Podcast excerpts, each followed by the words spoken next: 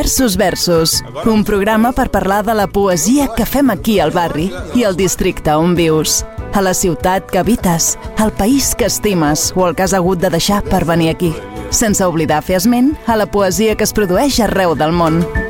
Versus Versus. Connectem amb la gent que entén el sentit i la riquesa de la paraula poètica i la fa seva.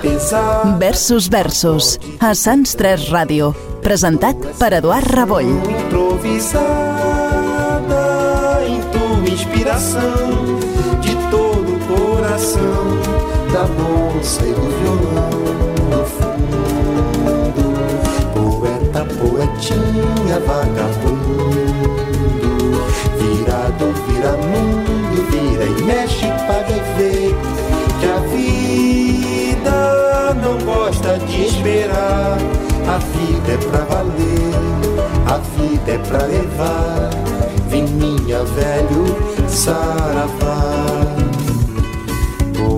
meu poeta, camarada. Poeta da pesada, do pagode, do perdão. versus aquella petita ferida que recull un mot encobert versus el vers dels que no el tenen a mà versus la denúncia i els crits d'estima a Bonuig versus els que des de la solitud o la folia escriuen. Això és Versus Versus, un programa de poesia per a totes i tots aquells que aprecieu la paraula i el seu valor endinsat. a vida pra levar.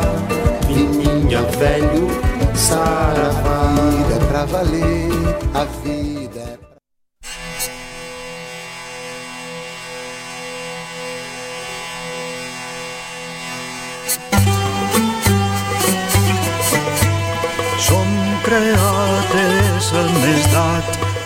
servir Déu que fos honrat que som caut en man pecat. En ira de Déu fui pausat Jesús m'ha ben crucificat. Vol que Deus fos per mi amat. Matiane carra perdó Déu he pris confessió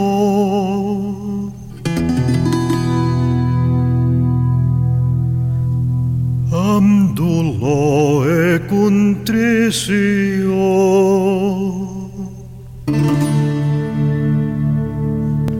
de caritat oració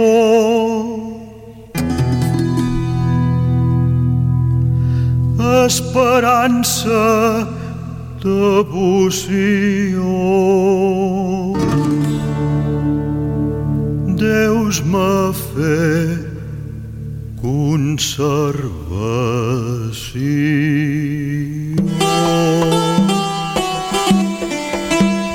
El monestir de Miramar viu a frares menors donar per serraïns a predicar. Entre la vinya el fenollar Amor m'ha pres fem Déus amarEmpre sospirs he plors estar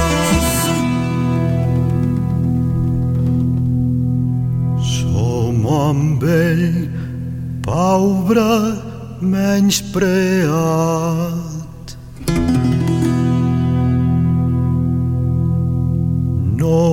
Ha ajuda demanat.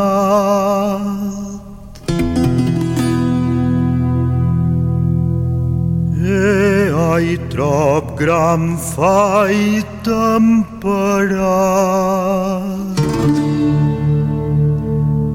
Gran res ai de món cercat.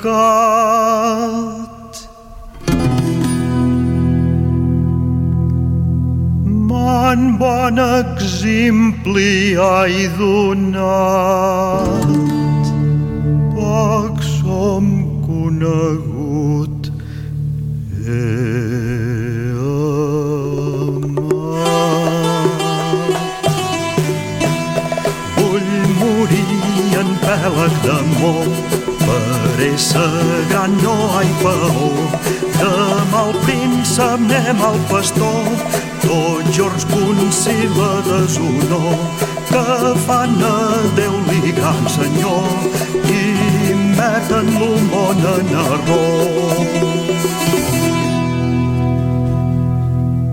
Santetat, vida, sanitat.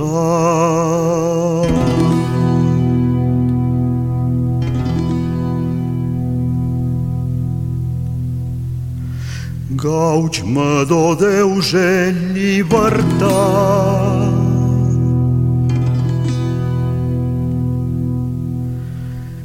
E guard-me de mal e pecat.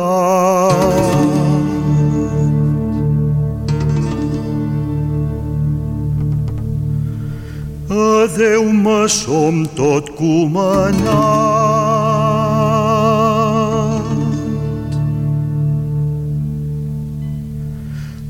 Mal esperit ne ho mirat.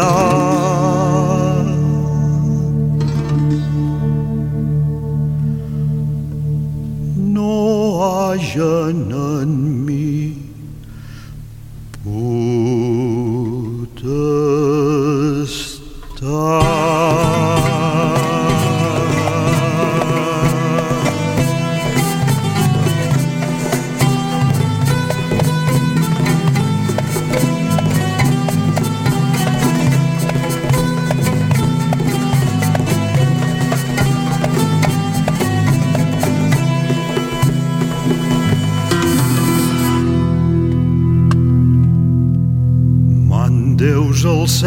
i els elements, plantes e totes res vivents, que no em facen mal ni turments. Dom Déus companyons coneixents, debats lleials, humils tements, a procurar sus un remei.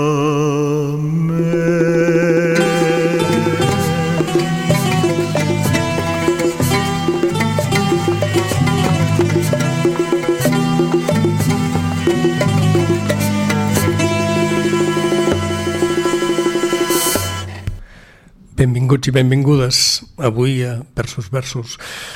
Què tractarem avui? Doncs avui hem començat, com podeu veure, amb un dels, eh, dels cants, en aquest cant, en aquest cas, perdó, el cant de Ramon, precisament eh, escrit per Ramon Llull. No?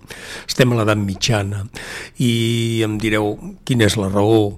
La raó és per parlar d'un llibre pels que en- hem estimat la poesia i perquè eh, ha sigut un referent, jo diria, els que hem estat eh, joves i en tenim de 60 cap amunt eh, acostumàvem a llegir eh, edicions xe- 62 editat per la Caixa, la famosa antologia general de la poesia catalana. En aquest cas editada per Josep Maria Castellet i Moles que ja abans, eh, cap als anys 60 hi havien fet una primera edició. Eh, eh, la raó és a vegades eh, parlar precisament d'aquests eh, d'aquests petits eh, màsters, en aquest cas, eh, de, de llibre, que en molts ens ha introduït eh, en el tema de la, de la, perdó, en el gènere de la poesia i que, a més, eh, han estat una mica referents també per la gent que ha estudiat eh, i en aquest cas ara tal Sabal, si en tens 60, si en tens 20 o si en tens 15 en aquest moment, l'antologia general de la poesia catalana eh, es digui en aquest nom o es digui d'una altra manera, però fent un referent del que és el nostre gènere eh, el nostre gènere poètic en la llengua que parlem en comú. Eh, em ve de gust ara, com, com he dit abans, el poema arranca, amb aquest poema del Ramon Llull, Cant de Ramon, i en aquest cas està interpretat per Salvadoni Fonoll. Eh, a vegades aquest tipus de poesia, sobretot la que té a veure eh, els principis del nostre, eh, de la nostra lírica, té quasi com molt més sentit si és cantada. Avui l'escoltarem en general eh, cantada per, eh, per eh, cantautors que mm, quasi segur tots coneixereu. Uh, bé, no faig l'espoiler i en canvi sí vull fer una mica de referència uh, uh, el, que, el que diu en aquest cas la, la nota sobre l'edició quan va ser publicada el 79 i en aquest cas uh, revisada el 94 a la vuitena edició que és el llibre que jo tinc en aquest moment diu així amb aquesta antologia els autors pretenen de donar una mostra breu i escèptica, fiqueu-vos bé que ells mateix diuen escèptics, eh? de la poesia catalana de tot el temps. En efecte, per raons d'espai i de destinació, han hagut de reduir al mínim el conjunt de corrents i de subcorrents que al llarg de la història s'ha interferit. S'han oposat amb més o menys violència i al capdavall s'han substituït. I d'altra banda, plantejada en termes més informatius que crítics, Eh, recordeu que aquesta antologia precisament no és comentada, eh, simplement està, eh, està diguem, seguida amb, amb el que és la història de la poesia catalana, sense, repeteixo, sense cap comentari, no? Um, dic, com deia, dic, d'altra banda, plantejant termes més informatius que crítics, han intentat de destacar si calia fixar aquelles línies més vives i estables, clàssiques al cap i a la fi. Així, l'antologia, el llibre que tenim, és fruit d'una colla de limitacions i, doncs, de renúncies. És evident que en qualsevol antologia la renúncia n'és un fet, no? perquè tot no es pot abarcar i ells, èticament, doncs, Josep Maria Castellet i Moles ja ho diuen, sabent que aquesta aquesta edició eh, del 94 és, és de divulgació. No? Diuen, i entre els lírics que han contat de manera un pèl abusiva alguns autors com Bernat Metge, Anselm, Tormeda o Bernat Fenollar. En segon lloc, a prescindir per motius de coherència de la gran tradició de la poesia popular. En aquest cas no s'ha pogut escollir allò que a vegades és, és tan comú dels versos aquells que creen la pròpia classe treballadora en el moment que han estat vivint a diferents èpoques de la nostra història. No? Diu, per motius de coherència de la gran tradició de la poesia popular, tant de la transmissió oral com de la transmissió impresa anterior o no als canvis introduïts per la revolució industrial. Val a dir que, a vegades, la frontera entre poesia culta i popular no és fàcil d'establir i que aleshores ha tendit en general a recollir aquells casos més purs, com per exemple les gloses semicultes del segle XV fins al XVI, o les imitacions del XIX que al seu entorn esdevingueren populars i tradicionals. En tercer lloc, ha intentat de trobar un punt d'equilibri entre els interessos històrics i els literaris i, per tant, només ha inclòs aquells autors i poemes que descontextualitzen el que s'està dient. Aquells que conserven tota llur potència creadora o que almenys la conserven en relació amb llur època. D'aquí que alguns gèneres com el de la cançó cortesana dels segles XIV o XV o del romanç històric del XIX, hagin estat reduïts a uns mínims de mostres. I repeteixo, les mostres que en principi tenen avui unes possibilitats autònomes de lectura, per últim, fer eh, esment d'aquestes. Concluiríem dient que l'antologia dels autors nascuts en el primer quart del segle XX, és a dir, els autors, curiosament autors però no autores, eh, recordeu que aquesta antologia està feta repeteixo pràcticament eh, en temps del franquisme i a finals del franquisme s'ha dit a la primera edició. I bé, anem a ser autocrítics en aquell moment. Sembla que tothom sigui poeta, en aquest cas masculí, no? i, i se n'obliden, o, com a mínim, no tenim, no tenim eh, diguem, eh, un mostres dins del que seria la investigació del que han estat les diferents poetes, dones o poeteses, com algú li agrada dir. Eh, per a la fixació del text hem posat en joc les edicions modernes més solvents i fins a algun cas, com el de Joan Buixador, alguns poemes manuscrits. En un cas i l'altre reproduïm amb fidelitat els textos base i només hem regularitzat l'ortografia i la puntuació segons les normes modernes. I ara anem a sentir a un Cias Marc amb veu d'algú que tothom reconeixerà.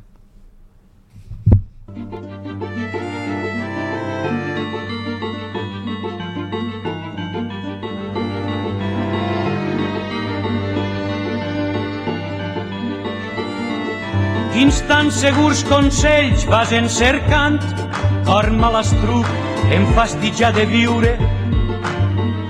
Amic de plor, et és amic de riure, com soferràs los mals qui et són davant. Acuita't, doncs, a la mort qui t'espera, e per tos mals te allongues los jorns. Ai, tantes lluny, d'on delitós sojorns, on vols fugir a la mort falaguera. Braços oberts, és eixida carrera, plorant sos ulls per sobres de gran goig, melodiós cantar de sa veuaix, dient amic, is de casa estrangera, en delit prenc donar-te a favor, que per null temps ha menat la sentida, car jo defuig a tot home que em crida, prenent aquell qui fuig de mar rigor. A pulls plorant de cara de terror, cabells rompent amb grans udolaments. La vida em vol donar heretaments e d'aquells dons vol que sia senyor. Cridant amb veu horrible i dolorosa, tal com la mort crida el ben auirat. Car si l'home és amb els aparellat, la veu de mort li és melodiosa, la veu de mort li és melodiosa. L'ull em conec, o oh dona mon semblant, que dolorit per amor fa sa planya. Jo són aquell de qui es deu em complanyer, car de mon cor la sang se'n va allunyant, car de mon cor la sang se'n va allunyant. I entre cars, l'hora sent acostada, civilment és ma vida finida, Vull que del tot ma esperança és fugida, Marma roman en aquest món damnada, Marma roman en aquest món damnada.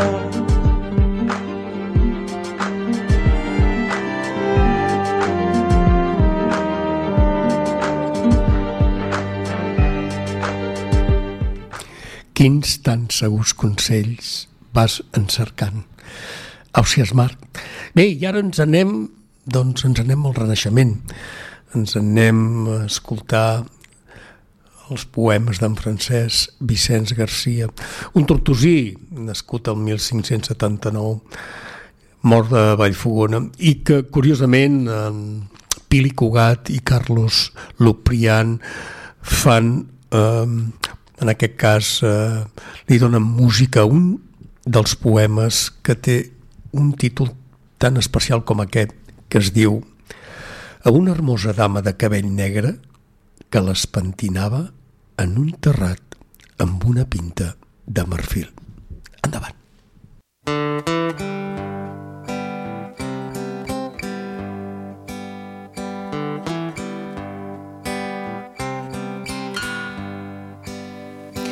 Una pinta de marfil polia sos cabells de finíssima tzavella aquí los dior mes fiten en enveja en un terrat la bella flora un dia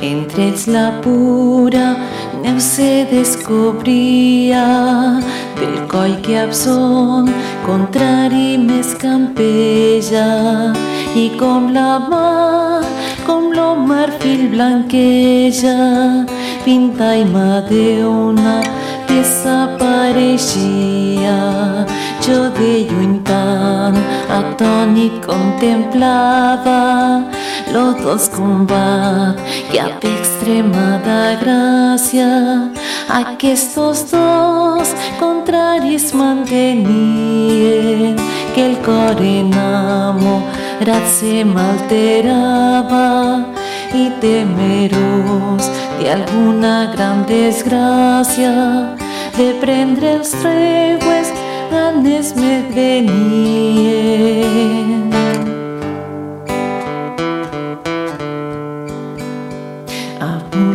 Pinta de marfil polia sus cabells de finíssima tzavella aquí los dior mes fiten en enveja en un terrat la bella flora un dia en un terrat la bella flora un dia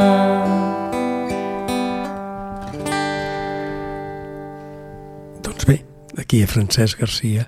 I ara, per acabar, ja que aquest programa tindrà dues parts, perquè l'acabem a finals del 18, deixarem la segona part per eh, parlar de poemes que tenen que veure amb la amb partir del segle XIX, segle XX. Doncs bé, eh, ara ens acomiadem amb una oda, una oda a la ciutat que compartim i estimem, una oda de Jacint Verdaguer a Barcelona. Mm.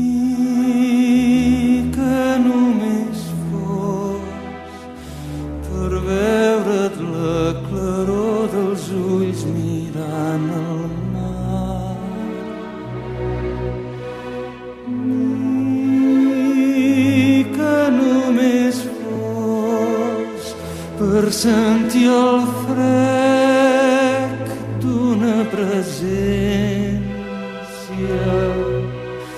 Ni que només fos poder-nos dir un altre Déu serenament.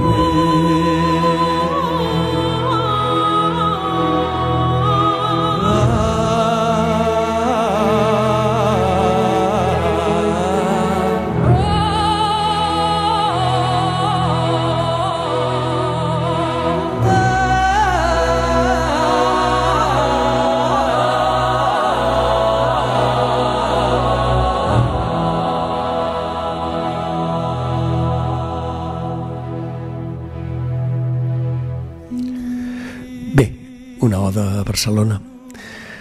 Vull recordar-vos que el Premi Amadeu Uller, els que voleu participar, aquests que són menors de 30 anys, ho podreu fer-ho abans, més ben dit, si arribeu el 28 de febrer d'enguany. Totes les tota la convocatòria, l'explicació d'aquestes bases les trobareu a Instagram a Premi Amadeu Uller i eh, vaja, com a sencenc, animo a que els que teniu menors, que teniu menys de 30 anys, ho feu. Bé, amb aquesta de Barcelona, com veieu, ens acomiadem. Un cop més agrair a Sants Ter Ràdio tenir aquest programa en exclusiva dedicat a aquest gènere. Gràcies també a en Roger, tècnic de producció en aquest programa. Això ha estat Versos Versos, un espai creat en aquest barri, en aquesta ciutat, i en aquest país. Ens veiem i fins la setmana que ve. Perquè sentissis com t'enyoro ni